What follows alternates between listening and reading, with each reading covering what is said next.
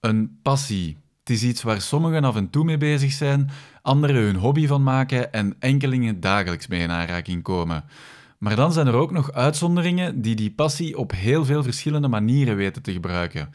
Zij die hun passie niet alleen delen via sociale media of een blog, maar ook via een boek, een programma op tv, een winkel en meer nog, die door die passie zelfs weten binnen te dringen in de huizen van andere mensen.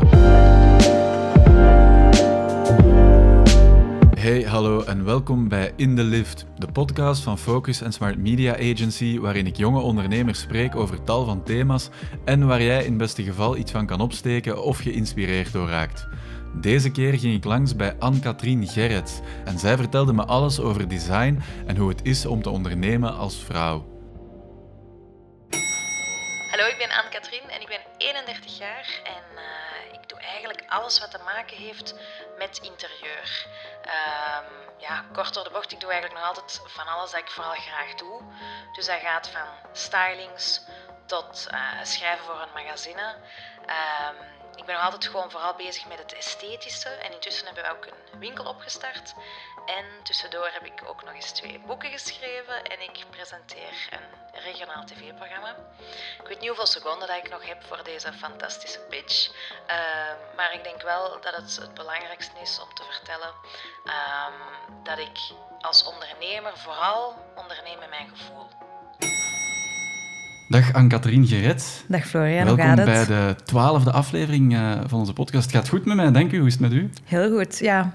Het is, het is voorlopig nog ochtend voor het mij. Is nog dus. ochtend. Ja, voor mij absoluut ook. Uh, ik denk dat ik in maanden niet meer zo vroeg ben uh, moeten opstaan als nu.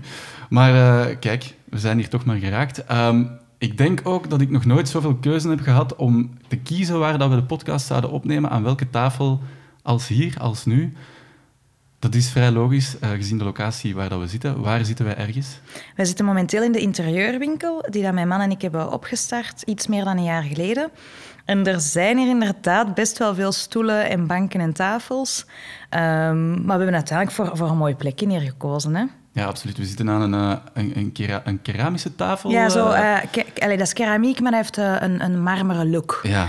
Dus, uh, heel, heel mooi. Ik ja, mooi. En gelukkig niet, zo, niet zo duur als, als echt marmer. Hè? Want ah, ik heb voilà. zo'n droomtafel in mijn hoofd, uh, die dat ik ooit, als, als ondernemer, als ik genoeg ga verdienen, ooit, uh, dan wil ik die kopen, maar die kost 7 of, of 8.000 euro. Okay. Omdat dat echt marmer is. En dit hier is keramiek, dus dan valt die prijs al iets meer mee. Ah, voilà. En het, het valt niet eens op dat het niet echt marmer is. Er staan ook heel veel verschillende stoelen aan deze tafel. Uh, ook, ik zit op een bank, een, een mooie, ja, hoe beschrijf je die kleur? Um, ja, terracotta, bruin, roos, ja. Wat is het verhaal achter deze bank? Oh, kort door de bocht. Um, ik vond die bank heel mooi, dus ik heb die gekozen. Kijk, soms wil het niet meer zijn dan. Nee, voilà, voilà. En dat is ook allee, bij mij ook vaak de rode draad. Doorheen alles wat ik doe, of dat dat nu is voor de winkel um, of voor, voor Cloclo, mijn, mijn eigen bedrijfje dat nog steeds bestaat en dat ja, soms nu wel een klein beetje minder aandacht krijgt, om, omdat onze winkel Tilburg ook wel goed draait. Uh, maar doorheen al die jaren, doorheen alles, is de rode draad altijd geweest dat ik vooral mooie dingen probeer uit te kiezen. Uh, ook de bank waar dat je op zit. Ja, en wat, uh, als je zegt mooie dingen, wat beschouwt jij als een mooi decor of interieurstuk? Goh, dat, is, dat is moeilijk om te zeggen, maar eigenlijk is dat gewoon iets waarvan ik zelf um, ja, moet ik dat zeggen, een streling voor mijn oog of iets waarvan mijn hart sneller gaat slaan. Okay. En dat kan iets uh, specialer zijn of iets simpeler. Uh, maar ik moet er een soort gevoel bij hebben. En anders is het ook een, een no-go. Um, ja, maar dat is ook zo... Allez, of dat dan nu gaat over meubels of decoratie of planten. Ik zoek gewoon altijd dingen waarvan dat ik zelf denk van... Oh ja, dat, dat heeft iets. En voilà, dan, dan kies ik dat uit. Hier in de winkel om te verkopen. Of voor mijn opdrachten als ik ergens een styling doe. Ja, dat, daar moet gewoon een bepaald gevoel aan hangen. En dan, voilà, dan is het dat. En het maakt niet uit of dat het uh, iets vintage uh, uitziend is of, of heel modern. Uh, zolang dat dat gevoel goed zit, ja. is het oké. Okay. Ja, want ook in ons het huis dat we aan het verbouwen zijn... Ik ga daar niet... Allez, natuurlijk ga ik er spullen van de winkel zetten, want dat is gemakkelijk. Maar ik ga daar ook een aantal vintage dingen doen, omdat ik, omdat ik dat zelf superleuk vind. En zo'n aantal uh, spulletjes of producten die dat ik al misschien heel mijn leven meesleur, die ooit van mijn mama of van mijn grootmoeder zijn geweest. Dus dat vind ik ook wel leuk, zo'n combinatie maken. Ja, snap ik. Is dat dan inderdaad, want je gaat het zelf aan, je bent aan het verbouwen. Ehm, is dat dan in, inderdaad iets waar dat je rekening mee houdt? Zet je heel veel spullen van de winkel gewoon in je eigen huis? Um, moet ik zien dat ik, dat ik uh, niet lieg. Um, ja, er gaan best veel spullen van in de winkel daar landen. Waarom? Um, dat gaat enerzijds gaat dat bijvoorbeeld zijn als iets ben nu aan het denken. Hè. Misschien dat er zo'n salontafeltje is waarvan dat ik denk van... Goh, we gaan dat niet meer in de winkel zetten, maar misschien gaat dat wel mooi zijn in ons huis. Dan, dan ga ik dat daar wel zetten. En voor de rest is natuurlijk allez, puur financieel ook interessant. Als, je, allez, als wij hier iets aankopen, hè, dan uh, kost dat ons, hè, dat kost ons natuurlijk de aankoopprijs. Mhm. En dan is het natuurlijk interessant om dat in je woning te zetten, want het is goedkoper dan datzelfde product ergens anders te kopen aan de volle pot. Ja, ja, tuurlijk, tuurlijk. Heb je dan ook uh, in, in de winkel een favoriet stuk staan? Um, ja, veel, misschien allemaal. Um, nee, sowieso de bank, de bank waar dat jij nu op zit is echt wel een van mijn favorieten. En die, dat is ook echt een, een, een, stuk, want ja, misschien moet ik uitleggen voor, voor wie hier luistert. Uh, dat is geen, geen bank op zo'n Hollands, hè, dus geen sofa, maar het is eigenlijk een, een bank die daar aan een eetkamertafel staat, maar met een rugleuning. En dat is het zalige eraan. En die gaan wij ook in ons eigen huis zetten, omdat of dat je daar nu met één of twee of drie of vier personen aan zit, ja, je schuift er gewoon zo lekker knus bij. want bij, bij jou nu, ja, daar kunnen één of twee mensen misschien, of misschien drie zelfs nog, lekker hè, bijkomen squeezen. En, uh, en dat vind ik gewoon ook wel zo een, een, een leuk product. En Allee, ja, dat is nu niet belangrijk voor deze podcast, maar op zich valt de prijs ook nog heel goed mee. Dus, uh... Kijk, het ruikt hier ook uh, best lekker. Uh, verkopen jullie ook iets van geurkaarsen? Ja, of dat is omdat je daarnet bent gepasseerd aan iets en dat is een, iets met geurstokjes en die ruiken naar grapefruit. Dat gaat dat zijn. Allee, ik, ik, denk dat toch, want het zal niet mijn parfum zijn, het gaat, gaat dat zijn, ja. En, en draagt dat ook bij tot de koopervaring? Is dat bewust daar geplaatst? Ja, dat is daar geplaatst omdat dat eerst is wat je ruikt als je naar boven komt. Dus daar, daar let ik ook allemaal op. En ook in mijn eigen huis. Dat, ik vind dat super belangrijk. Alleen mijn eigen huis of bij opdrachten en zo. Dat ja, een interieur of een woning of een winkel hè, is niet zo leuk als die stinkt. dus is het natuurlijk leuker om ergens een lekker geurtje te zetten. Of, of voor sommige mensen is dat misschien leuk dat, dat een woning ruikt naar zo'n een, verse was, hè, zo katoen en zo. Dus ehm, ja, ik probeer daar zeker ook mee, mee bezig te houden. Ik ga bij een opdracht heel vaak ook uiteindelijk zo zeggen van ah ja, kom, ik zal hier nog een kaarsje zetten. Of, of zo zelf zo. Ehm, vroeger, in, in het appartementje waar ik woonde in de stad, mijn twee appartementjes waren in de stad en die, die hal, die rook soms niet lekker. Niet mijn schuld natuurlijk, dat is misschien van de buren. Dus wat deed ik, omdat ik dacht, ja shit, nu komen er mensen naar boven, naar mijn appartementje, en nu gaan die denken dat dat hier stinkt, of die gaan dat vinden. Dus dan spoot ik met zo'n geurspray, zo snel nog wat geur in de hal en in mijn appartementje. En iedereen kwam altijd binnen en dan zei hij altijd... Oh, Katrien, ja, dat ruikt hier zo lekker bij als je binnenkomt. Ja, en dan, kan, ik, beamen, ja. Voilà. ja en dan, ja, dat maakt mij gewoon blij, want dat is deel van, van een ervaring en van een gevoel.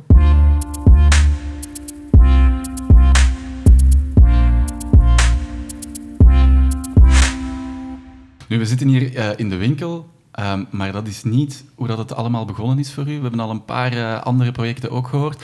Maar laten we eens teruggaan naar het, naar het begin. Hoe zet jij aan uw carrière als interieur, uh, liefhebber, designer, uh, styliste begonnen? Um, dat is eigenlijk begonnen, of ik zal zeggen, het is vooral begonnen in september 2014. Dus dat is zes jaar geleden tijd vliegt, met mijn blog dat ik toen ben opgestart.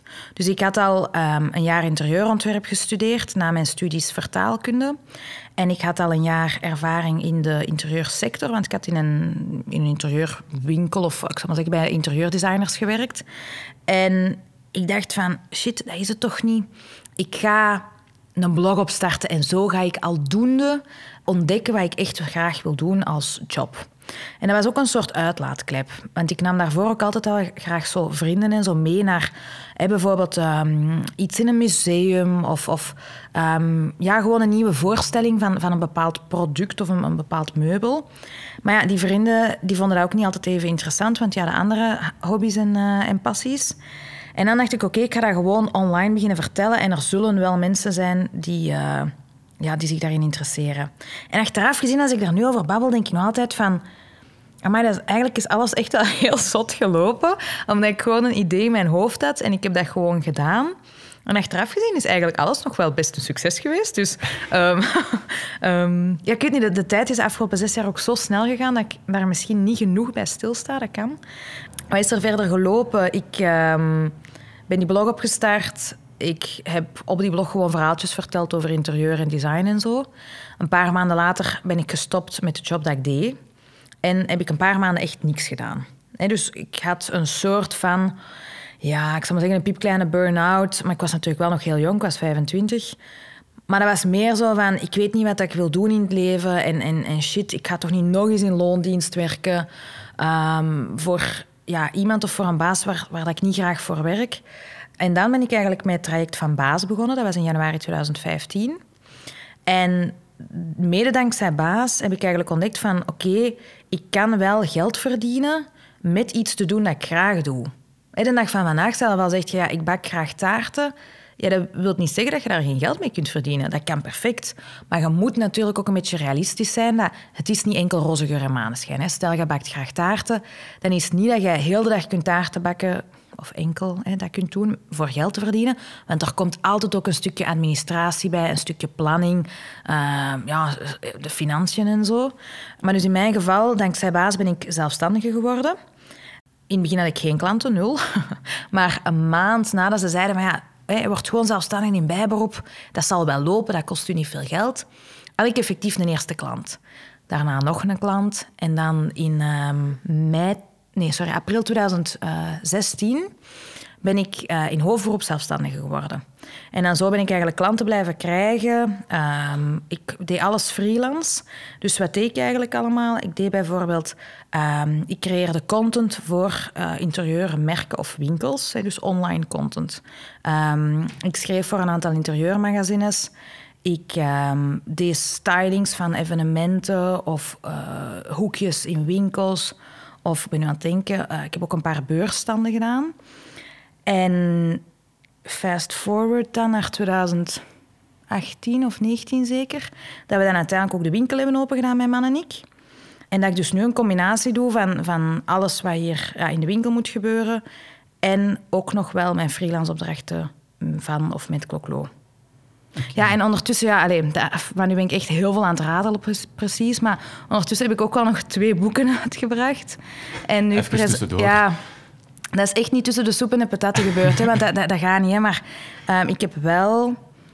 Ik ben aan het denken, die eerste boek was uh, twee jaar geleden in... Nee, dat is drie jaar geleden, sorry. Drie jaar geleden in september 2017. En dan een tweede boek was vorig jaar, in 2019.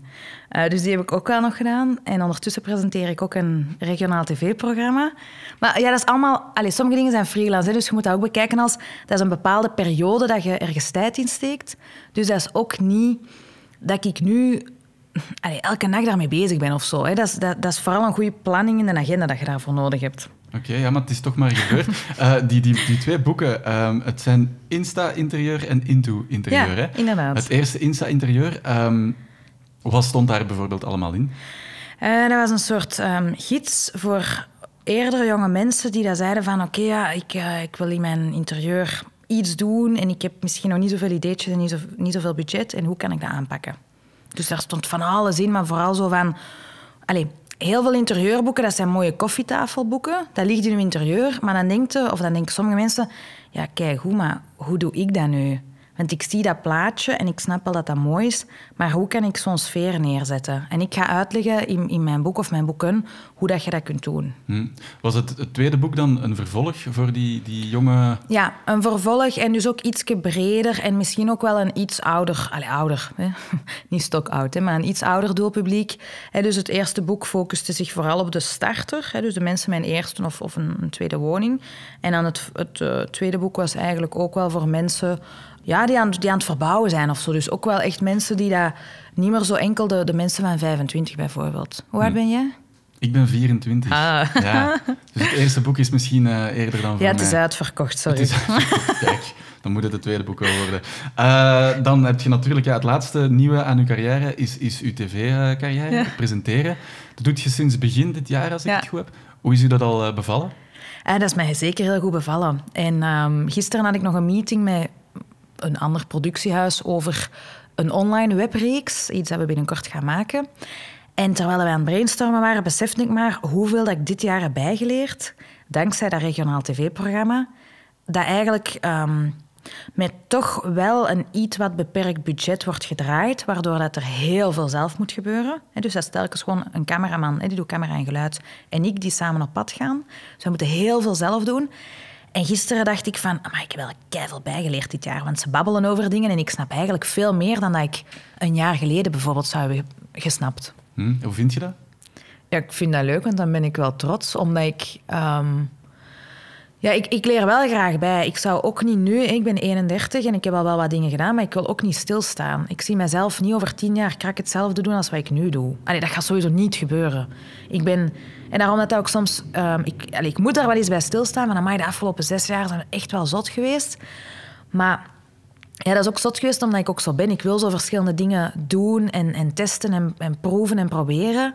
En over tien jaar echt, ik denk dat ik nog veel leuke dingen ga hebben bijgedaan en dat ook telkens dus bij leren. Ik ben niet een supergoeie student geweest, uh, maar aldoende leer ik heel graag en vind ik dat ook kei leuk om dingen uit te testen. En dus na een tijd ziet je ook wel van, oh, ik word er beter in. En dat is ook wel een leuk gevoel. En dan als ik iets soms een klein beetje beu ben, dan kan het ook wel dat ik dat zou afbouwen om dan um, ja, mij met iets anders bezig te houden en daar te proberen goed in te worden. Mm Nu, al die dingen die je, dat je tot nu toe al, al gedaan hebt, um, hebben ja, eigenlijk te maken altijd met, met interieur en design.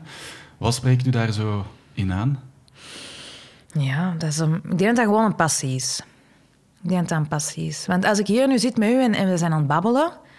En um, allez, stel, ik luister bijvoorbeeld soms ook naar de radio en ik vind dat ook wel een interessant medium, bijvoorbeeld radio.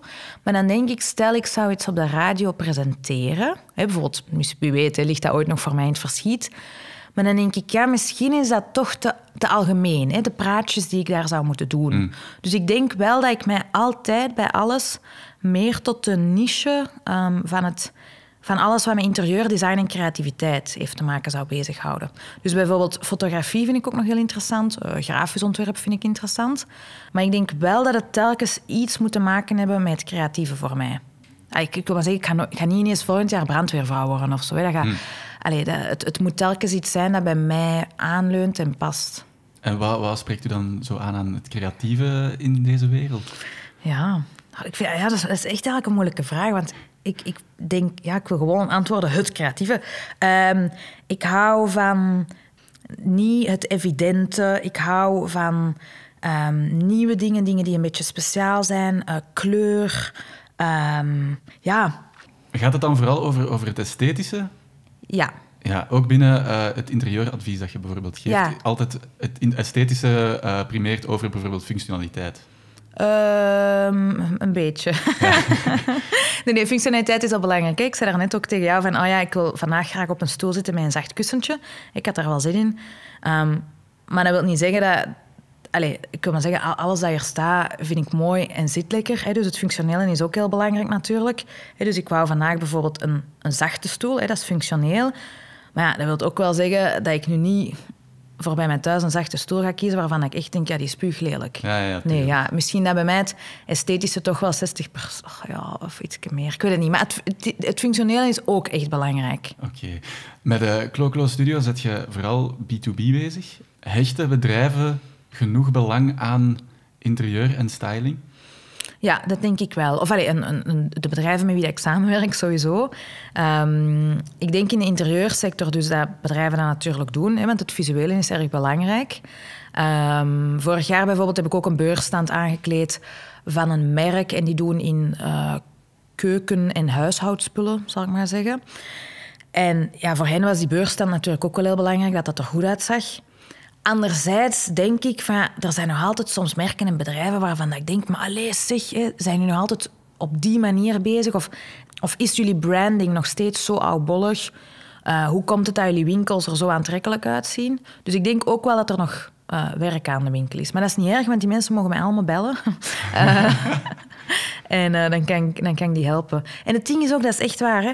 Ik, ik zie ook soms... Um, dus dingen waarvan ik denk, ah, dat ziet er nu niet aantrekkelijk uit, maar het heeft zoveel potentieel.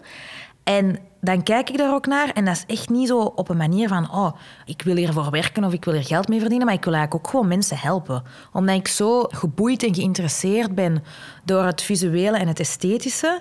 zie ik in heel veel dingen potentieel. En wil ik ook gewoon graag dat dingen mooier en beter worden. En ja, In, in dat opzicht denk ik dat er voor sommige uh, niches of sectoren ook nog wel wat werk aan de winkel is. Er komt nu een heel lange aanloop naar mijn, naar mijn volgende vraag, maar ik zat onlangs bij uh, Caroline van Eyck van House of Ape. Uh, en House of Ape is een, een community met daar rond ook een, een coworking space. En zij was of, of, is ook enorm geboeid door interieur, uh, wil daar misschien later zelfs ook iets mee doen.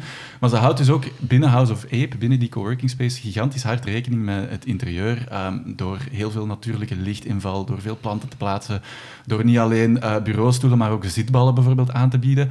Um, hoe kijkt jij daarnaar? Uh, hoe richt je een, een, een, kantoor het beste in volgens u om ja, productief te kunnen, te kunnen werken?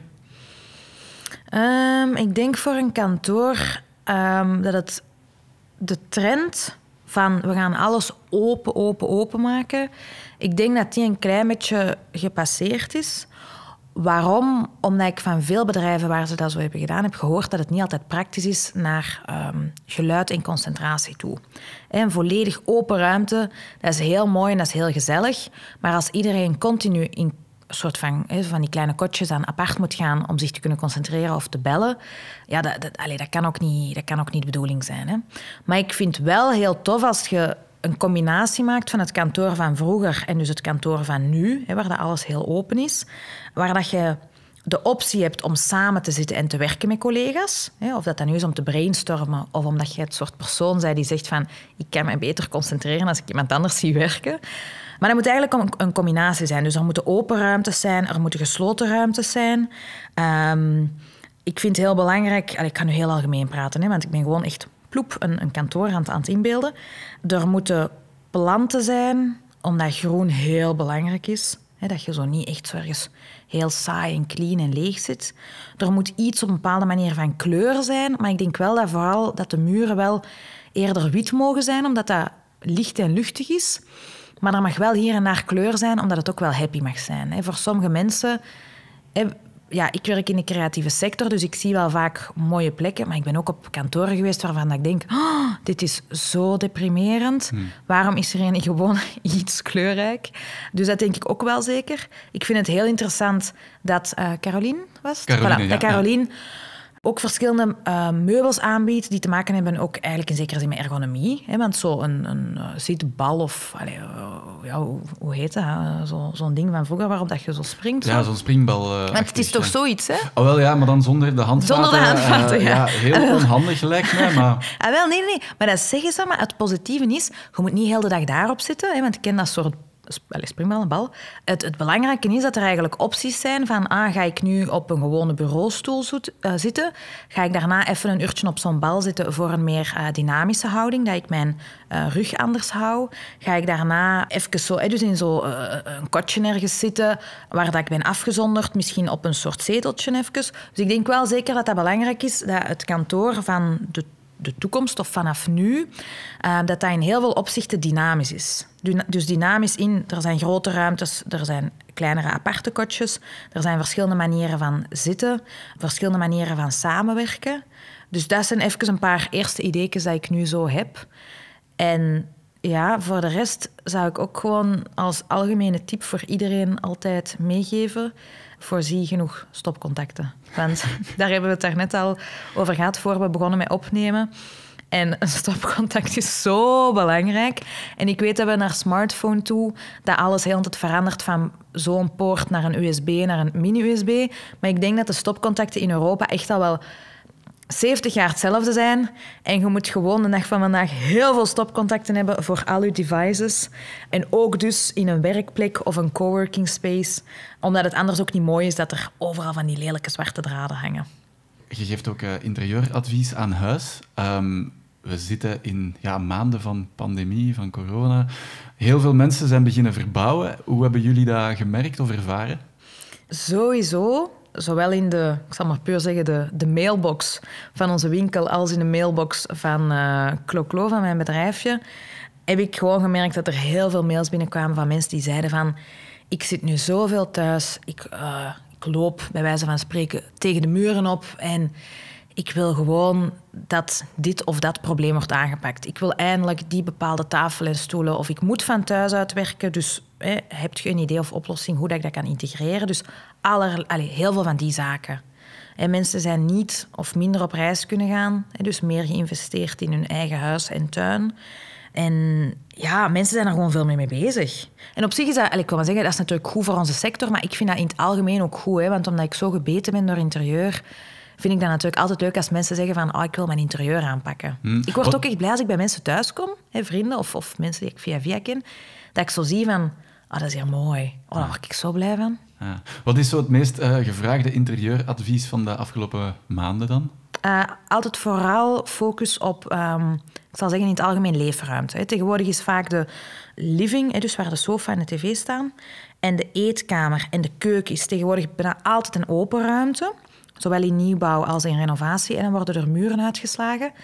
En de meeste mensen willen advies voor die ruimtes. Dus dat ja, dat, ik beschouw het dus als één ruimte, dus ik noem dat de leefruimte omdat er daar vooral geleefd wordt. En dat is echt heel, heel belangrijk. En omdat je daar net ook zit vanaf het moment dat je gaat ontbijten, tot mensen werken tegenwoordig ook thuis, in diezelfde ruimte, tot als je gaat slapen, zit je eigenlijk heel de tijd daar.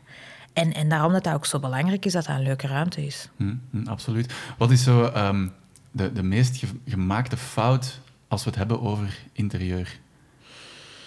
Um, even nadenken over één meest, één meest gemaakte fout. Oh, er zijn een aantal fouten natuurlijk, hè, maar ik ben aan het nadenken. Sowieso een belangrijke fout bij dus die ruimte, hè, dus de, de leefruimte dan, die dat tegenwoordig één grote open ruimte is is dat je niet alles tegen de muur moet aanzetten, omdat je denkt van, oh, dan lijkt ze nog groter, de ruimte. Maar als je dan je zetel tegen de um, muur zet in je tv, en dan, ja, de eetkamertafel staat misschien nog in het midden, maar dan staan er kasten tegen de muren enzovoort, dan creëer je eigenlijk misschien een iets te lange um, buis of een te lange ruimte. Terwijl zelfs al is die ruimte open en groot, als je die visueel een klein stukje afbakent door bijvoorbeeld ergens tussen de tv-hoek zal ik maar zeggen, in de eetkamer, een plant te zetten of een soort rek dat de ruimte een stukje visueel afbakent, ja, dan, dan is dat gewoon veel toffer. Omdat de ruimte, ik ben helemaal akkoord hè, dat die best open is, maar het is toch ook niet leuk als je precies van, van ik zal maar zeggen, aan de eetkamertafel Hè, van, van terwijl je eigenlijk in je bord aan, aan het kijken bent, dat je bijna in je zetel kijkt. Allee, ik, zou, ik, zou, ik vind dat leuker als dat zo'n klein stukje, klein beetje afgeschermd is. Mm -hmm. Hoe persoonlijk is, is interieur? Uh, ik vind dat heel persoonlijk. Heel persoonlijk, maar dat wil wel niet zeggen uh, dat je er geen hulp voor kunt inschakelen. Omdat um, een interieur is persoonlijk, maar er zijn algemene trends en tendensen. Dus je kunt ook een, een trend volgen en, en, en, een bepaalde tendens volgen. En toch daar binnenin je eigen persoonlijkheid uitdrukken.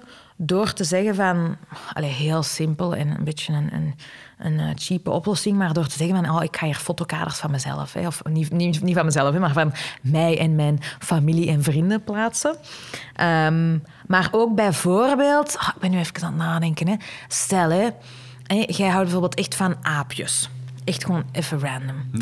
En uh, jij bijvoorbeeld zegt van, ah, weet je wat, eigenlijk is mijn gimmick in mijn huis dat ik hier en daar ergens zo een aapje zet. En dat kan zijn dat dat een aapje is in hout dat je ooit op vakantie hebt gevonden in India.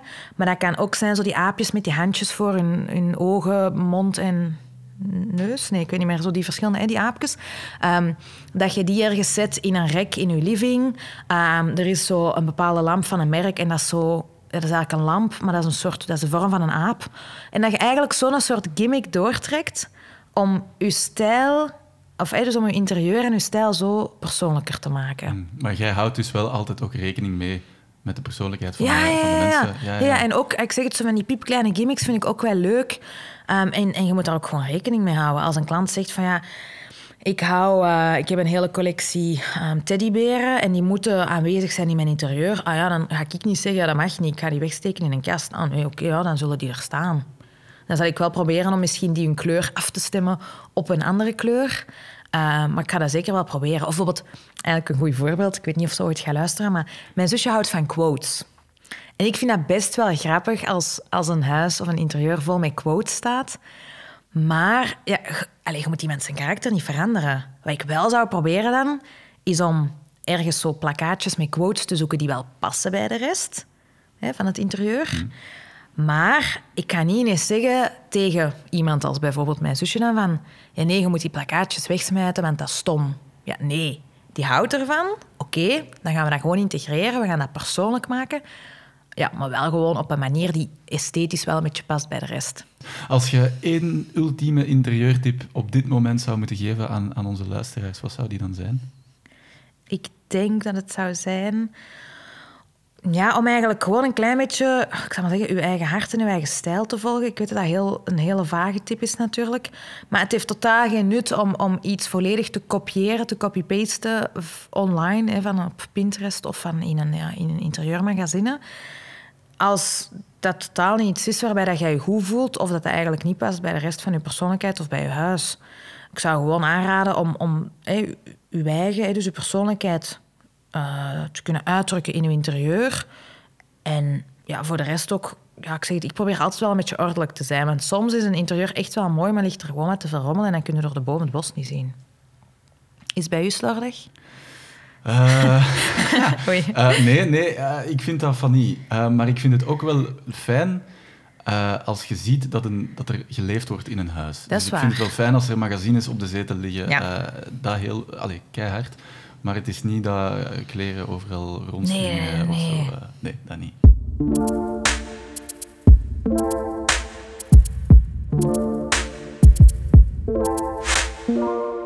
Dan, uh, dan zijn we gekomen bij onze korte vragenronde. Dus ik ga u uh, wat korte vragen stellen en we zien wel wat de antwoorden zijn. Um, van alle jobs die dat je doet, want je doet er heel wat, als je er maar één zou mogen kiezen, welke zou dat dan zijn? Uh, meer alles wat met styling te maken heeft. Ja. Dus meer um, concreet, hè, voor mensen die niet weten wat dat is. Dat wil eigenlijk zeggen dat ik bijvoorbeeld ergens uh, kom bij iemand thuis, hè, dus privé, hè, of um, op een beursstand van een klant die helemaal leeg is.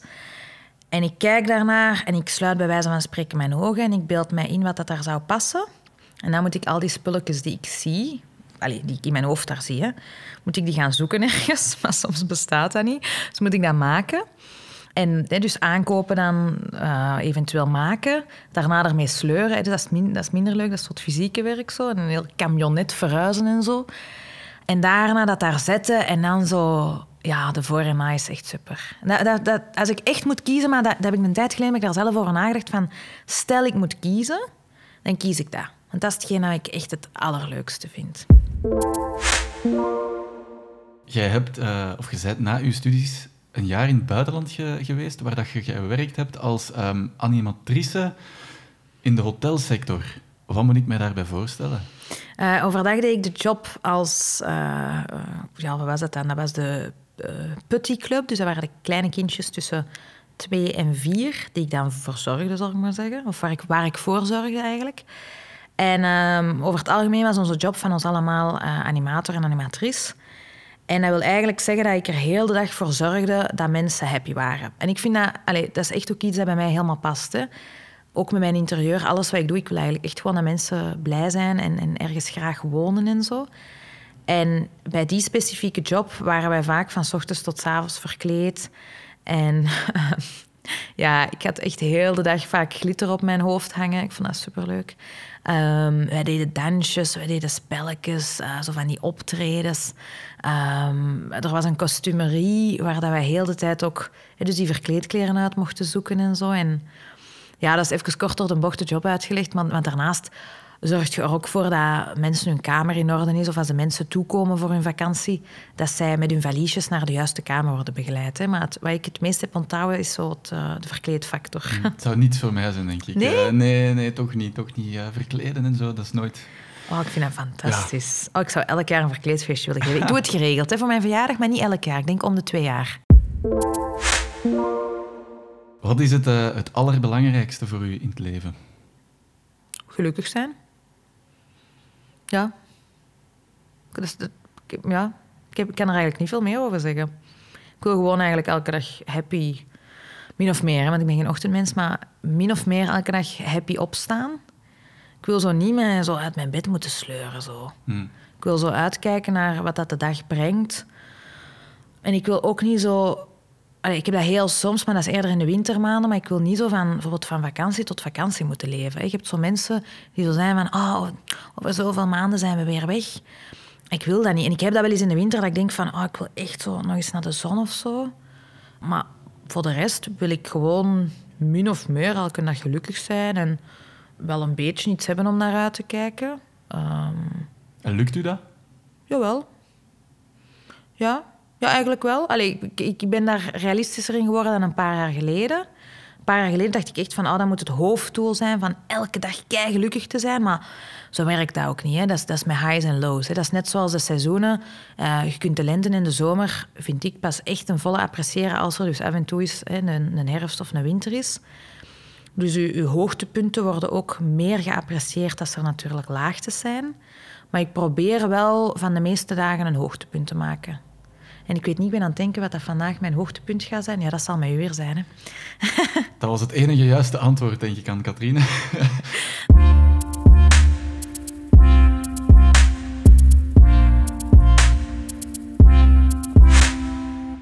Van ehm, heel veel jobs die dat jij doet, zet jij ook de baas of leidinggevende, CEO, hoe dat je het wilt noemen. Is het altijd al een, een droom van u geweest om uw eigen baas te kunnen zijn? Dat is niet concreet een droom geweest van mijn eigen baas te zijn of, of, of echt ondernemer te zijn. Ehm, wat wel gewoon mijn, mijn droom was, om te kunnen doen wat ik zelf wil. En in zekere zin is dat een synoniem. Hè? Eh, maar bijvoorbeeld in het middelbaar al, als ik een groepswerkje moest doen, dan dacht ik ook altijd vaak... Hè, wat je zelf doet, doe je beter. Hè? Ons mama zei dat vaak. En dat is ook gewoon... Ik dacht ook soms, ja, zeg, dat is hier een groepswerkje. Oh, en de die, die zijn niet goed aan het doen. En oh, ik zal dat een beetje moeten overnemen. Niet omdat ik zo'n harde strever was, maar omdat ik gewoon dacht... Ja, hallo, dat is nu ook niet zo moeilijk. Hè? Dan kan ik dat beter met jezelf doen. En dat is gewoon iets... allee, dat daarna hè, bij mij ook duidelijk is geworden van... Ik, ik wil eigenlijk bepaalde dingen zelf kunnen beslissen. Ehm, ik wil kunnen doen wat ik graag doe. Eh, ik vind het wel leuk om de leiding te nemen, ook in, in andere dingen. Hè. Dus niet enkel op vlak van werk. Stel, we gaan op eh, citytrip met een hoop mensen. Ja, als, als, als niemand initiatief neemt, ja, dan, alleen dan neem ik dat direct. Dus dan zou ik op voorhand zeggen, oké, ik zal een soort planning maken. Maar, eh, om te nuanceren, ik heb wel de laatste jaren beseft dat als ik heel veel... Hè, dus ik moet vaak beslissingen nemen voor mijn job. Eh, er zijn best ook wel wat belangrijke dingen die dat ik moet doen. En dan is het soms wel eens fijn ook om te kunnen alles loslaten. Hè. Dus dat wil zeggen dat als we dan eens op vakantie zouden gaan... Hè, maakt niet uit, met een groep vrienden of, of met mijn man... dat ik dan ook eens niet alle beslissingen moet nemen. Dus dat, dat kan wel ook wel eens fijn zijn. Want ik wil ook niet zo dag in dag uit over alles moeten beslissen. En dat soms ook zo in de kleine dingen dat ik dat besef. Zodat ik ook soms s'avonds denk van... "Goh, zou ik nu ook nog moeten gaan beslissen waar we gaan eten? Pff. Hè, zo, zo, zoiets. Dan denk ik soms van... pff, eh, ik ben, ben klaar met, met belangrijke dingen doen. Hm, ja, snap ik absoluut. Is dat zo dat beslissingen graag nemen en zo, is dat iets dat ehm, al van, van kleins af aan in u zit? Ja, ja. ehm, ja, ik ben nooit zo echt het afwachtende type geweest die dat zo gestuurd moet worden of zo. Ik heb gewoon altijd veel gedaan. Zo van, oh ja, er moet iets gebeuren, ik ga dat doen. En, en uiteraard, als je dingen doet, moeten er beslissingen worden genomen. Ja. Altijd uw eigen ding willen doen gewoon. Eh, ja, ik denk eigenlijk inderdaad meestal mijn eigen ding. Ja, natuurlijk niet als er taakjes zijn die moeten gebeuren. Hè. Als, als, als een van je ouders zegt, ah ja, je moet nu dat doen, ja, dan doe je dat. Hè. Ehm, maar voor de rest denk ik eigenlijk wel... Maar dat, je denkt daar ook niet over na. Hè. Dat heeft te maken met je persoonlijkheid. Maar ik heb altijd wel... Ik ben altijd creatief geweest. Ik ben altijd bezig geweest met van alles. En ik heb altijd dus ook zelf ja, dingen gedaan. Ja, Anne-Katrien, ehm je bent natuurlijk je bent vrouw. eh, je bent vrouwelijk onderneemster. Ehm, ja, een van de, jammer genoeg, vrij weinige in, in België. Want hoewel dat het, ondernemerschap, het vrouwelijk ondernemerschap stijgt, eh, is nog steeds maar ja, een derde van de starters in ons land eh, is vrouw. Hoe komt dat volgens u? Ja, ik, heb er eigenlijk geen antwoord direct op, want ik ken best zelf wel wat vrouwelijke ondernemers. Maar ik denk dat wat er... Ja, ik denk misschien gewoon dat soms vrouwen iets meer afwachtend zijn. Voilà, ik denk dat dat misschien het algemene antwoord is. Dat mannen iets meer durven, dat vrouwen iets meer afwachtend zijn. En ook sowieso, ik wil echt niet stereotyp klinken, want ik ben dus zelf vrouw. Maar ik denk omdat vrouwen op een bepaald moment als ze een bepaalde leeftijd hebben, misschien een gezinnetje gaan maken. En dat je sowieso als vrouw dan meer ehm, dingen even moet laten vallen dan als man. Dat gaat niet anders. Je moet dat kind dragen en dan daarna komt dat uit u en dan moet je daar ook voor zorgen. Ietsje meer dan de man, dat is gewoon zo. En ik denk daardoor wel dat er vrouwen zijn die misschien een idee hebben, maar denken, oh, dat past nu niet in mijn planning, of ik kan dat idee nu niet doen, of ik ga daar te veel um, voor moeten opofferen voor mijn gezin. En opnieuw, ik ben dus echt niet aan het zeggen, omdat ik allez, super stereotyp ben en denk, want ik hoop, allez, of ik zou willen voor alle vrouwen die dat willen ondernemen, dat ze het gewoon doen. Maar ik kan me wel inbeelden dat dat soms voor sommige mensen zo kan zijn. Probeert jij ehm, zelf ook een, een inspiratie te zijn misschien voor vrouwen die de stap willen wagen om te ondernemen? Ja, zeker. Ik heb ook vaak mensen die mij berichtjes sturen, hè, online dan, of, of mails zelf ook. En dan antwoord ik daar ook gewoon altijd op. dus ik probeer gewoon altijd iedereen te kunnen helpen, inderdaad. Inspiratie te geven voor interieur, maar ook inspiratie voor ondernemen. En wat vragen die u dan, uh, dan zoal? Eigenlijk algemeen meestal hetzelfde. Ehm, ik heb een idee en ik wil ergens aan beginnen. dus mijn idee is dit. Ik wil dat graag gaan doen als zelfstandige. Maar hoe begin ik eraan? Hm. Echt zo, ja, een hele algemene vraag. Dus dan steek je er ook best wel wat tijd in, in te antwoorden. Maar niet... Ja, de meeste mensen die, die gaan geen concrete vragen stellen, want concreet zou willen zeggen dat ze er echt al mee bezig zijn. Hè? Klopt. Um, Ondertussen is, is de winkel ook geopend, dus het zou kunnen dat we af en toe op de achtergrond eens een klant uh, horen binnenkomen of buiten gaan of, of geholpen worden. Een beetje geroezemoes. Voilà, een beetje geroezemoes op de achtergrond, maar dat, dat is nu eenmaal hoe dat het gaat in een, uh, in een winkel. Heb jij ooit um, bij de opstart van, van uw bedrijf moeilijkheden ervaren um, die je misschien als man niet ervaren zou hebben, puur omdat je dan vrouw bent? Um, ik denk van niet. Ik denk gewoon dat als er dingen zijn die ik moeilijk vind, dat dat meer te maken heeft met mijzelf, mijn uh, kennis en mijn persoonlijkheid. Hè. Dus ik zeg maar bijvoorbeeld, ik ben iets minder goed in alles wat te maken heeft met um, het, het, financiële, zal ik maar zeggen. Maar ik denk dat dat gewoon meer te maken heeft met mezelf. En toevallig heb ik daar dan ook wel al raad um, over gevraagd aan mannen, maar dat is gewoon meer toeval, omdat dat bijvoorbeeld mijn grote broer is of mijn, mijn eigen man, omdat die daar meer van weten. Want ik heb eigenlijk, toen ik erover nadenk, heb ik ook best wel wat vriendinnen in mijn vriendinnengroep die ook wel heel goed zijn in financiële dingen hoor. Dus dat, dat is meer persoonlijk, maar ik weet niet of ik echt al als vrouw. Allee, dat is ook niet dat ik, dat ik minder betaald word of zo. Of, of gelijk dat ik vanochtend las in een artikel dat er een vrouw bij een tenniswedstrijd nog altijd 10 euro minder heeft verdiend op een hele grote som dan een man. Ja, dat gevoel heb ik niet. Ja, dat is, dat is een gigantisch groot probleem nog steeds. Hè, dat vrouwen inderdaad minder verdienen. Maar ook dat ehm, bijvoorbeeld functies als CEO wordt nog steeds veel sneller aan een man uh, gegeven dan aan een vrouw. Puur omwille van het geslacht. Wat denk jij dat er moet gebeuren zodat dat eindelijk is... Ja, zodat man en vrouw eindelijk eens uh, hetzelfde behandeld worden? Ik denk gewoon dat vrouwen um, moeten tonen wat ze waard zijn. En misschien niet te snel in een... Um, ik zou maar zeggen, een soort ondergeschikte rol hun plekje moeten aanvaarden. Zo van, ah ja, het zal wel zo zijn. En ah ja, uh, vrouwen verdienen nu eenmaal minder of uh, krijgen nu eenmaal minder snel een, een, een, functie als CEO. Dus ik denk dat dat één is. En twee, ik denk misschien dat mannen zelf... Als je bijvoorbeeld stel, hè, je bent man en je hebt een bedrijf, een heel groot bedrijf, en er zijn verschillende uh, key-functies dat die ook niet enkel aan mannen worden gegeven. dus dat, dat, je daar ook echt gewoon rekening mee houdt. Dat je gewoon een job geeft aan iemand omwille van zijn of haar kunnen en uh, competenties en niet omwille van het geslacht. Hm. Hm. Maar voor de rest heb ik daar niet echt een antwoord. Want ik denk gewoon, ah, ik denk echt ook wel dat we binnen dit een aantal jaren, dat we zo goed als dat we kunnen, dat mannen en vrouwen gelijk zijn. Maar ja, er zijn nu eenmaal twee geslachten en er zijn verschillen. Net zoals dat je jobs hebt hè, bijvoorbeeld stel je kijkt naar de, de bouw, de bouwsector. Ja, daar zitten gewoon meer mannen in, omdat dat gewoon een zware job is.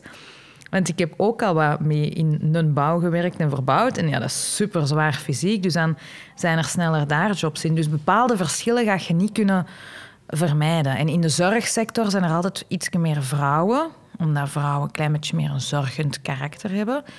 Maar functies en jobs waarbij er eigenlijk totaal geen onderscheid zou mogen zijn in het, het kunnen, de capaciteiten, ja, daar denk ik wel dat we echt wel binnen dit in een aantal jaren hopelijk volledig gelijkgesteld zijn. Mhm, mhm, zoals ondernemerschap bijvoorbeeld. Hè. Dat is- Ja, ja, voilà. Ja, zijn, zijn vrouwen misschien zelfs eh, betere ondernemers dan mannen?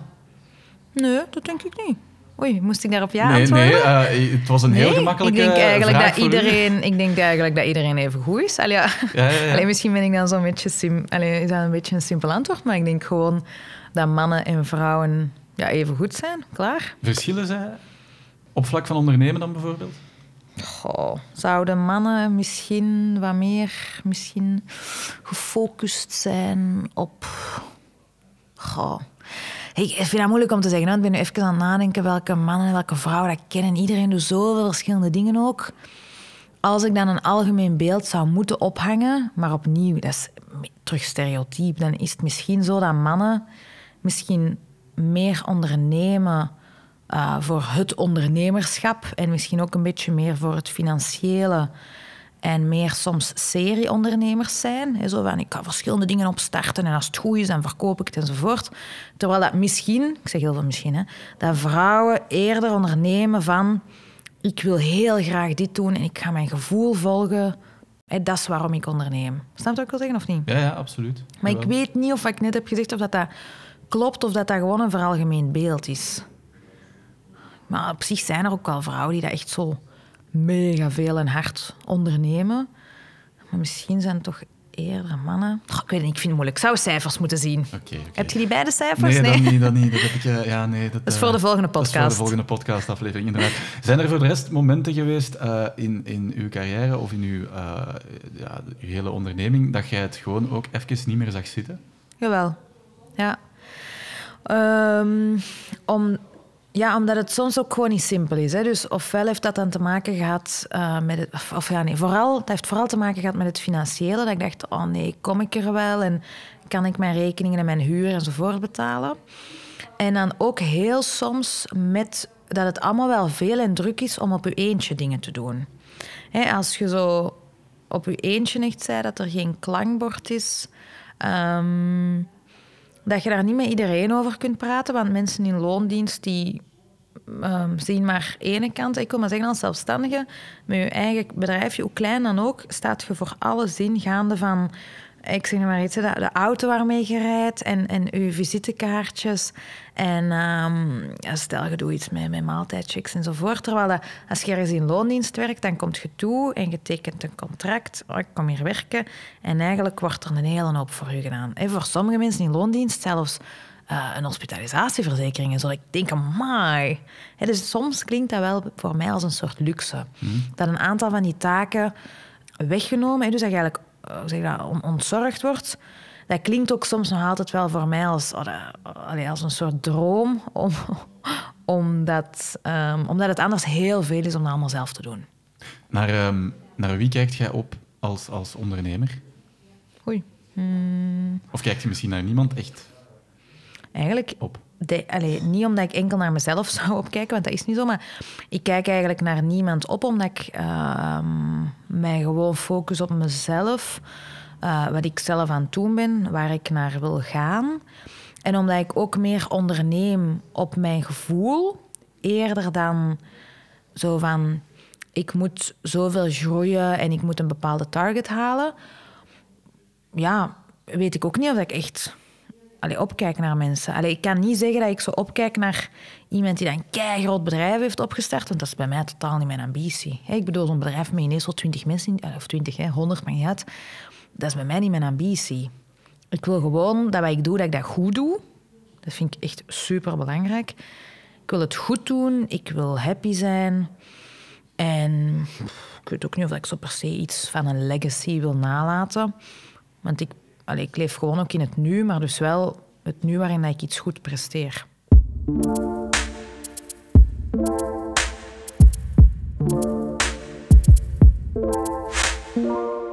Anne-Katrien, ik denk, eh, want uw smartphone ligt ook al de hele tijd naast je. Ik denk dat een smartphone iets is eh, dat jij ja, niet echt kunt missen. Hè. Eh, jij mocht die er even bij nemen, omdat ik ehm, graag van u te weten zou willen komen welke apps uw leven, zijt persoonlijk, zijt als ondernemer, uh, dagelijks net dat tikkeltje gemakkelijker maken. Goh, gemakkelijker. De twee apps die ik het allermeeste gebruik zijn mijn um, agenda en mijn mail. Maar echt, ik, ik, ik zou niet willen weten, ik weet niet of je dat kunt checken, maar hoe vaak die worden aangeklikt per dag. Dus sowieso mijn agenda en mijn mail gebruik ik het vaakste. Ik gebruik ook vaak mijn notities omdat ik, um, als ik pen en papier in de buurt heb, gebruik ik... Allee, ik schrijf nog altijd heel graag met, met pen en papier. Um, als ik mijn gsm-enkel in de buurt heb, neem ik notitietjes. En dan, ja, soms s'avonds overloop ik van... Allez, bijvoorbeeld hier nu ook. Ik zie weer notities dat ik bijvoorbeeld gisteren of eergisteren heb opgeschreven in mijn telefoon. Maar die dat ik wel op een bepaalde manier moet verwerken. Dus dat zijn niet enkel random ideeën. Dat zijn ook echt zo dingen van... Oh ja, shit, dat moest ik nog doen. um, ik gebruik heel veel gewoon mijn foto-app, omdat ik ook weer inspiratiebeelden en ideeën en projecten waarmee ik bezig ben in mijn foto's opsla. En apps die mensen niet standaard op hun telefoon hebben staan, want de andere zijn standaard, uh, zijn natuurlijk de social media kanalen. Uh, dus um, in mijn geval dan in eerste instantie Instagram en dan Facebook. En voor de rest heb ik een heleboel. Maar echt, hoeveel zou dat er zijn? Ik denk misschien 15 verschillende fotobewerk en verschillende dingen apps waarmee dat er speciale filmpjes gemaakt kunnen worden en uh, speciale uh, filters en um, even nadenken hier. Ja, toffe effectjes en zo. Maar dat gebruik ik momenteel minder, omdat ik minder op social media zit dan vroeger. Maar ik heb ze wel nog allemaal staan, omdat ik denk van, goh, die zijn toch wel leuk en die wil ik niet missen. Hm. Als er zo een van die 15 apps is die dat je eruit zou moeten pikken, uh, ja. welke zou je dan aan of kunnen aanraden? Uh, misschien dat het toch nog steeds de app is. Ja, wat ik toch nog het vaakste gebruik, dat is een app en dat heet VSCO of VSCO of hoe noem het wilt. En dat is eigenlijk een app om foto's een beetje te bewerken met een filter. En ik bewerk niet al te veel meer. Um, vroeger was dat zo de mode om zo heel speciale kleuren op je foto te doen en zo. Alleen vijf, zes jaar geleden. Um, maar ik gebruik die nog altijd wel een klein beetje voor um, als je dan iets post, dat, het, dat je feed eigenlijk heel consistent is of coherent. Hè, dat het allemaal mooi samenpast. Uh, maar er zijn een paar appjes die ik een beetje meer gebruik dan andere, maar sommige zijn ook gewoon tof. Er is zo'n app die, die heet Hoochie. En Hoochie, ken je hem of niet? Ik ken hem, ja. Voilà, wel, ja. Hoochie is tof, want in het begin, als je hem ochtends wilt ontgrendelen, ochtends of als je hem gebruikt wilt ontgrendelen, moet je hem horizontaal houden en je moet je ogen er tegen houden. Net zoals vroeger, een, ja, zo'n fotokodak van vroeger. En dan neem de foto's en dan lijkt het alsof dat... dat ja, met, met, een fotokodak, ik weet niet hoe dat ja, eigenlijk heet. Wegwerp, zo, een wegwerpdingetje. wegwerpcamera, Voilà. ja. Uh, dan lijkt het alsof het mijn wegwerpcamera is genomen. En ja, dat blijft wel gewoon een heel toffe app, dus die zou ik ook niet graag willen wissen. Maar er staan er hier ook tussen waarvan ik denk, god, die heb ik misschien al een jaar niet meer gebruikt. Maar ook wel tof nog soms. Hè. Zoals? Dat is de laatste om af te sluiten. Ja, eh, zoals er is bijvoorbeeld een app die heet, ja, ik denk allee, 8 mm, dus 8 mm. en um, dat is ook zo effectjes dat als je filmt, dat dat er zo heel zo wat vintage, retro en zo uitziet. Zo precies met zo een camera van Allee, zo echt van vroeger dat er zoiets draait. Dat heet echt een Super 8 camera. Ah, voilà. Dus dat, de 8 mm. ja, inderdaad. Ja. En dat is gewoon wel zoiets. Ik, ik heb dat misschien in 2018 of zo in de zomer wel eens een paar keer gebruikt. Maar dat blijft wel een toffe om te hebben staan en voor af en toe eens een specialeke te doen.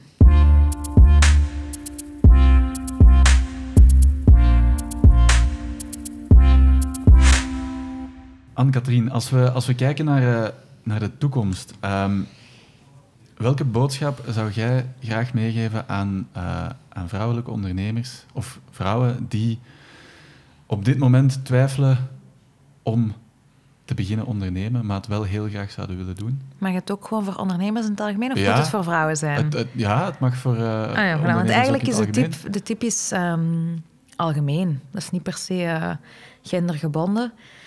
Ik zou gewoon altijd zeggen, ehm, zoek iets hè, wat je graag doet, wat je vaak wilt doen, waar dat je hart sneller van gaat slaan. En denk even na hoe dat je daar op een bepaalde manier geld mee kunt verdienen. En ja, dat kan op verschillende manieren. Hè? Want, want het is niet... Ik gaf helemaal in het begin het voorbeeld van uh, dat je graag taarten bakt.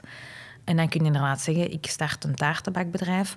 Maar sommige mensen zeggen misschien, ja, ik ben gewoon goed in het um, organiseren van dingen, wat daar zo'n algemene skill lijkt. En dan zou ik zeggen, ga nog wat dieper op zoek naar wat je daarmee zou kunnen doen, hè, waardoor dat je daar geld mee kunt verdienen. Want dat, is, allee, dat blijft natuurlijk een, een belangrijk punt. Hè. Je gaat natuurlijk niet iets... Allee, het, is, het is geen charity work. Wat zou jij graag nog uh, verwezenlijken als, als ondernemer? Um, ik heb nog een aantal dromen. En ik heb die allemaal op mijn gsm staan in zo'n lijstje. En hetgeen wat wel bij mij in... Ja, ik denk dat hetgeen wat ik eerst ooit zou willen doen, maar dat is misschien pas over vijf jaar of zo, ik daar echt tijd voor heb om dat goed te doen. Hè. Maar ik zou heel graag ooit een eigen collectie met interieur-items hebben. En ik weet nog niet wat en hoe... Of ik weet dat een beetje wel, ik ben aan het opschrijven, maar ik ga het nog niet vertellen. Van hoeveel producten, wat voor producten, um, waar worden die gemaakt, hoeveel gaan die kosten enzovoort. Maar ik ben daar nu gewoon, ik ben daar sinds een jaar en een half mee bezig. Ik ben dat gewoon rustig hier en daar aan het opschrijven. En ik wil dat dan gewoon goed doen. En zelfs al is het 2025 eens het gelanceerd wordt, dan gaat het wel ook in één keer gewoon bam, het gaat er staan.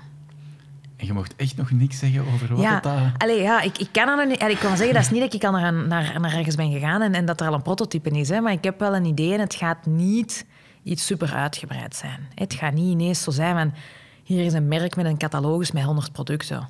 Het gaat eerder iets zijn van goede stuks die niet te speciaal zijn, waardoor ze wel lang kunnen meegaan. En zo een klein beetje meer het, het essentiële, zal ik maar zeggen. Hmm. En ik ga daar, of ik ben daaruit aan het putten, um, uit mijn eigen ervaring eigenlijk, van wat zijn dingen die je nodig hebt of wat zijn dingen die iedereen kan gebruiken. Voilà, dat, is eigenlijk, dat zijn eigenlijk de belangrijkste dingen om te zeggen. Okay, maar voor de rest kan ik niet te veel zeggen, want anders pikt iemand mijn idee voor het 2025 is en dat ik tijd heb.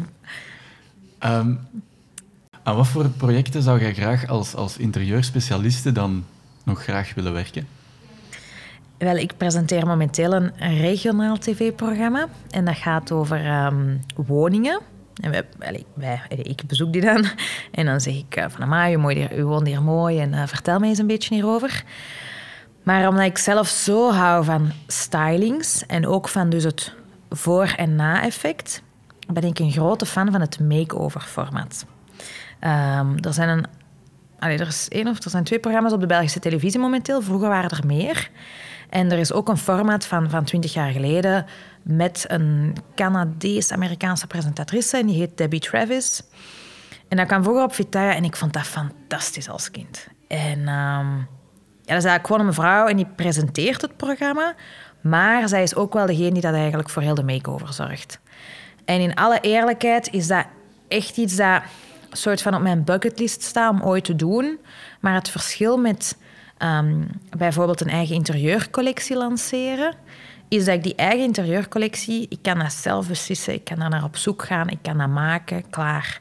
Ja, dat programma, ik kan dat niet zelf maken. Dat is iets waarvoor dat op een dag iemand mij een kans moet geven. En die iemand moet, net zoals met het, regionaal tv-programma Wonen, moet iemand mij zeggen, ah, wel aan Katrien, jij lijkt mij de geschikte persoon, jij mocht dat doen en presenteren enzovoort. Ik weet dus niet of dat in het verschiet zit, maar ik weet wel dat als ze mij dat ooit vragen... Allez, ze hebben het mij al een paar keer gevraagd, maar ik, heb, het, ik heb het nooit gehaald tot, tot de laatste ronde, zou ik maar zeggen. Als, dus als ik dat ooit echt mag doen, oh, dat zou ik fantastisch vinden.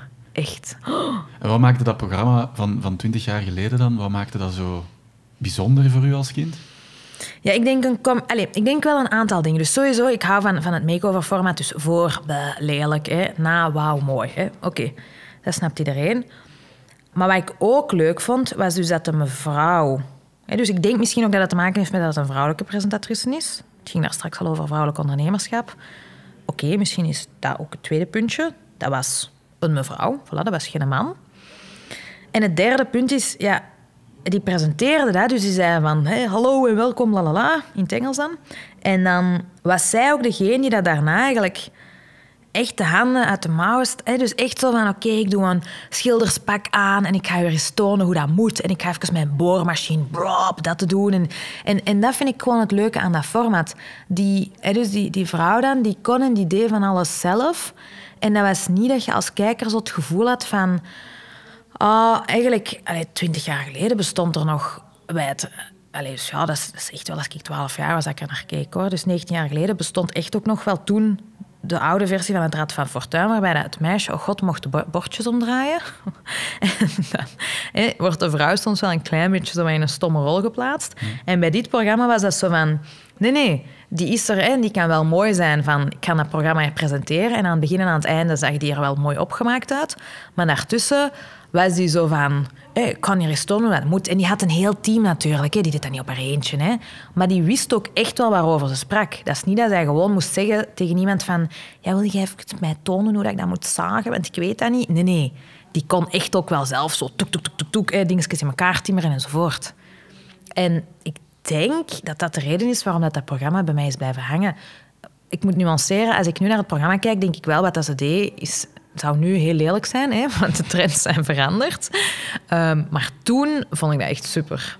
Ziet je zelf dan ook echt uh, de, de bouwvakkerskledij aandoen en mee renoveren? Ja, ja want ik heb al... Allez, ik, uh, ik, ik werk geregeld of ik doe geregeld do-it-yourselfs. Die staan bijvoorbeeld ook al in mijn twee boeken.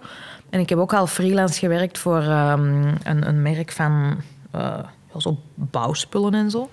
Dus ik kan ook best wel wat klussen voor een vrouw.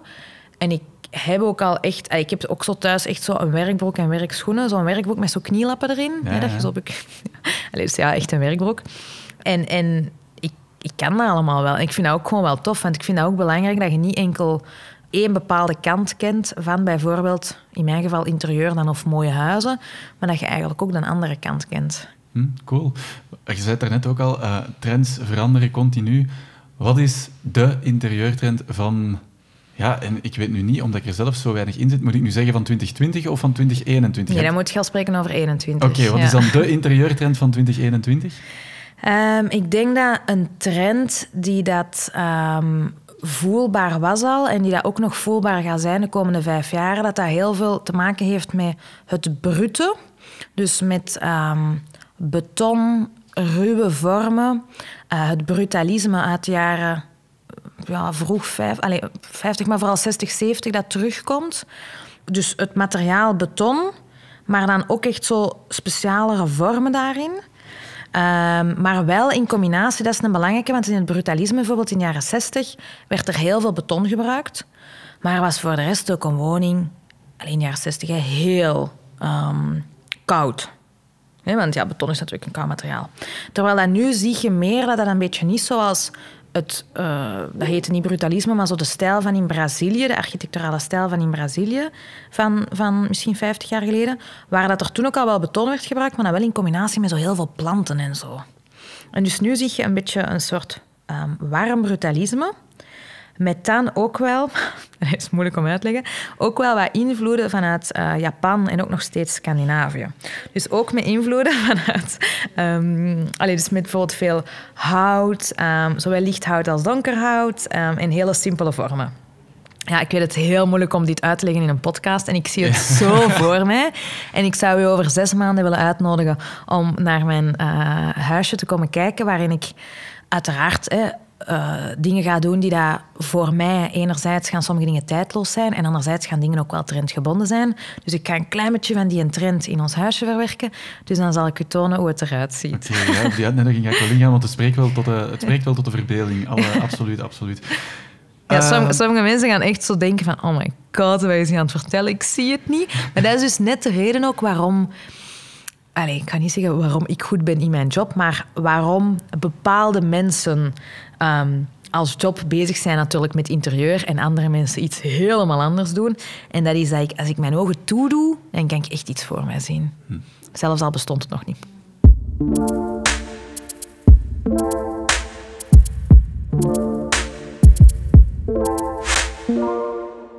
Anne-Katrien, elke aflevering vraag ik mijn gasten ook om een quote of een anekdote of een advies of zo mee te brengen naar dit gesprek, waar zij heel veel waarde aan, aan hechten.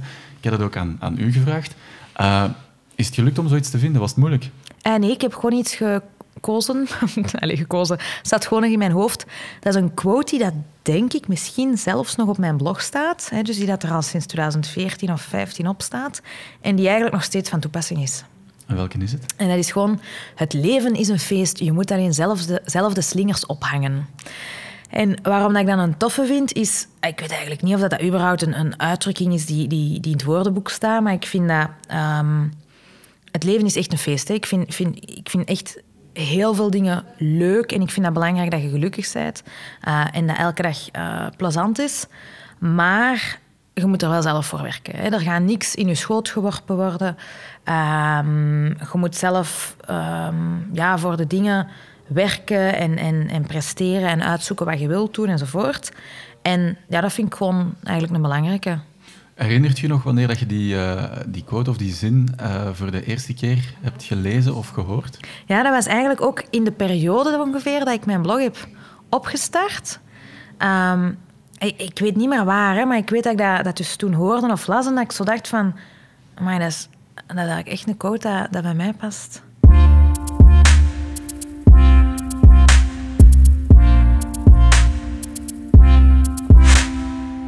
Ja, we zitten bijna aan het einde van de aflevering. Maar eerst is er nog onze startersketting, uh, waarbij elke gast een vraag te horen krijgt van de vorige gast, gesteld door de vorige gast, en waarbij dat ook de bedoeling is dat jij dan een vraag stelt aan onze volgende gast. Ik zat onlangs de vorige keer bij uh, Ines Schovaert. Zij is fotografe en ze heeft ook heel recent een, een studio opgericht met haar vriend. En zij heeft uh, de volgende vraag voor u. Wel, het is uh, een, een, een vraag waar dat ik zelf vaak mee kamp. En daarom wou ik vragen aan de volgende gast als freelance of als, als, als, als ondernemer zijt je heel vaak bezig met je zaak. Je, je, brein is continu bezig met wat kan ik nu doen, wat kan ik straks doen, wat kan ik morgen doen, um, welke nieuwe ideeën kan ik implementeren, whatever. Ik sta daarmee op en ik ga daarmee slapen. En ik vraag mij soms af hoe dat je soms die sneltrein in je hoofd afzet. Dus ik vraag me af uh, hoe dat de persoon die deze vraag zal krijgen af en toe die gedachtenstroom kan stopzetten. Ja, ik denk dat die gedachtenstroom uh, stopzetten, dat uh, ja, ik ben er helemaal mee akkoord. Hè. Dat is sowieso super moeilijk. En met momenten gaat dat beter dan andere momenten. Dus momenten um, ja, uiteraard, op vakantie gaat dat natuurlijk eh, goed. En, en ook als je aan het sporten bent, heel belangrijk, want dan gaat dat ook goed. En voor de rest is dat echt soms kwestie van jezelf te verplichten. Maar natuurlijk, als je met een superbelangrijk project bezig bent, of, of je moet bijvoorbeeld je rekeningen betalen en je denkt van, oh nee, wanneer gaat die klant betalen? En oh shit, shit, dat is betant en zo. Dus in, in de eerste jaren, um, ja, dan kun je daar echt ook van, van wakker liggen, van sommige dingen die te maken hebben met je bedrijf. Maar ik probeer zelf en dus bijvoorbeeld dingen te doen zoals uh, sporten. Ik probeer zelf... Ik ben echt geen grote tv-kijker. Ik denk um, dat ik maar misschien twee uur per week tv kijk. Maar als ik echt wil ontspannen, dan kijk ik naar iets heel, heel, heel stom. Um, allee, stom mag ik niet zeggen, maar naar iets heel simpel dat niks te maken heeft met mijn job. Zoiets reality-tv-achtig. Maar dat is gewoon zodat je echt kunt dat even volledig uitschakelen. En ik probeer ook wel tegenwoordig om gewoon iets op papier te lezen. Want anders zit je bijvoorbeeld lezen op je gsm, allemaal goed en wel. Maar ondertussen komen er notifications van van alles en nog wat binnen. En ja, eigenlijk is dat niet zo goed. Terwijl als je gewoon een boek of een krant of um, een bijlage van iets leest, dan kun je makkelijker andere uh, impulsen uitschakelen. En als je dat bijvoorbeeld doet voor het slapen gaan, is dat veel beter dan dat je helemaal voor het slapen gaan ondertussen nog zo wel op je gsm met dat, met dat licht van je gsm zo zitten kijken.